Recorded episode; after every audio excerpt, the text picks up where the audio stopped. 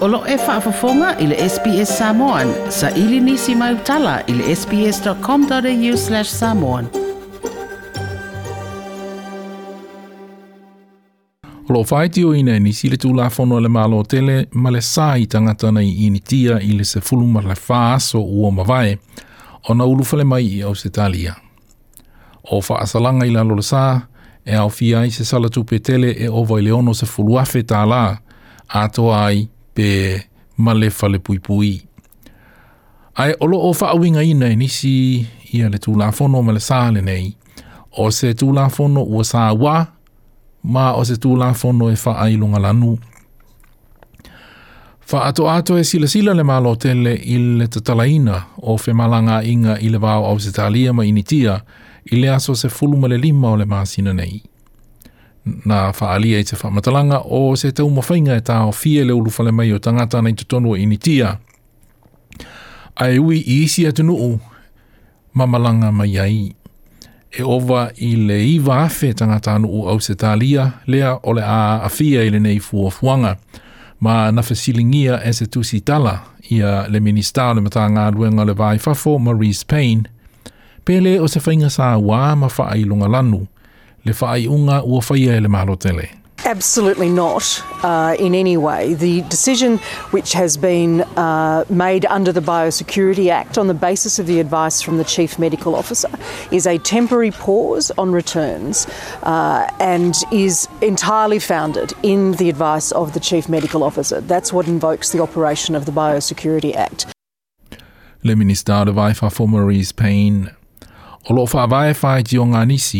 i le vaai ma le faatusatusa i isi atunuu o loo malosi ai le pepesi o le mai.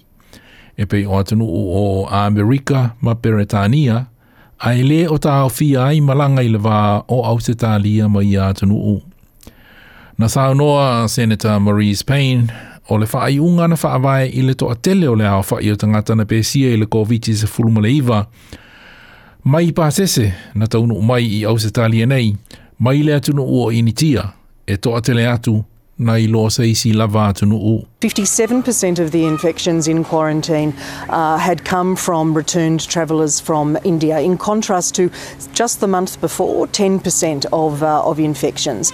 The burden that has placed on uh, the health systems in the states and territories, including through particularly Howard Springs, is a very significant one. And the decision to place a temporary pause and a temporary review uh, on returning travellers from, uh, from India has been to enable our our systems to deal with that.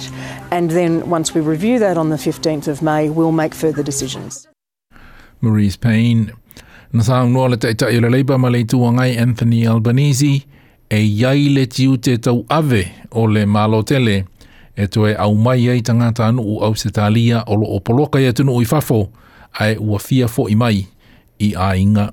Australia has obligations to our citizens to people who are Australians, not just to abandon them overseas, but then to threaten them is quite extraordinary action. Na fai fai tiu ina foi e le ali iloia o lo ngafa ma mata upu ia ia te tau o tangata po o le human rights lawyer le afionga ia Julian Burnside QC ma ia tā ua e tele au wala e mawhai ona tau si pui pui ai tangata anu o Ausitalia e toe fo'i mai, mai initia.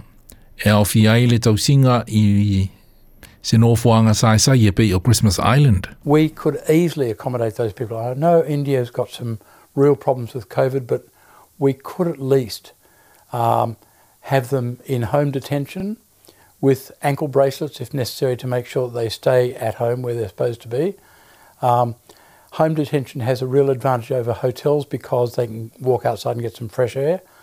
We could use places like Christmas Island, um, and the government's very good at establishing large places for people from overseas who they do not want here.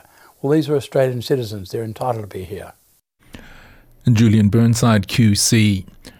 ona oina e se tasi na avea ma komisina o mata upu i le whailonga lanu i au se talia nei po ole race, uh, discrim- race discrimination commissioner Tim Sut Pom Pomasan. Tim Sut Pomasan ma na ia ua ole sa. E pe ona fa malo si e nei e le malo tele i tangata o lo o initia pe na initia i le se fulu mala so ua mavai ua fesilingi fesilingi ai le ai ia tau a se tangata malona si titeni au se talia. The basic value of citizenship is being put under challenge here. Citizenship means very little if a citizen cannot exercise their basic right to return home in a time of need. Se tasi na avea ma komisina o mata upu i le whaelonga lanu le Race Discrimination Commissioner Tim Sudpomasan. A e te lea le avano e to e wha popo ai e le malo te lea so le sā e whemalanga inga i le vāo au se tālia ma initia O loo mōli mawina le si iti a pēa o le a whai o tangata e pēsia mō le teimi mua mua i initia.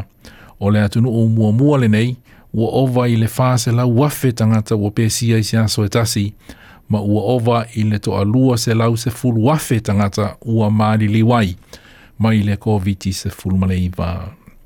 Na sāu noa le pāle mie se tete Western Australia Premier Mark McGowan, o se whaai unga se se na whaia e le malo tele, Lea na whaatanga i nisi o tangata no o Ausetalia o na whaimalanga i initia i māsina ua te 4,500, 5,000 people going to India in recent months was clearly a mistake. Um, and that's probably added to the pressure of people wanting to return from India. In fact, it definitely has.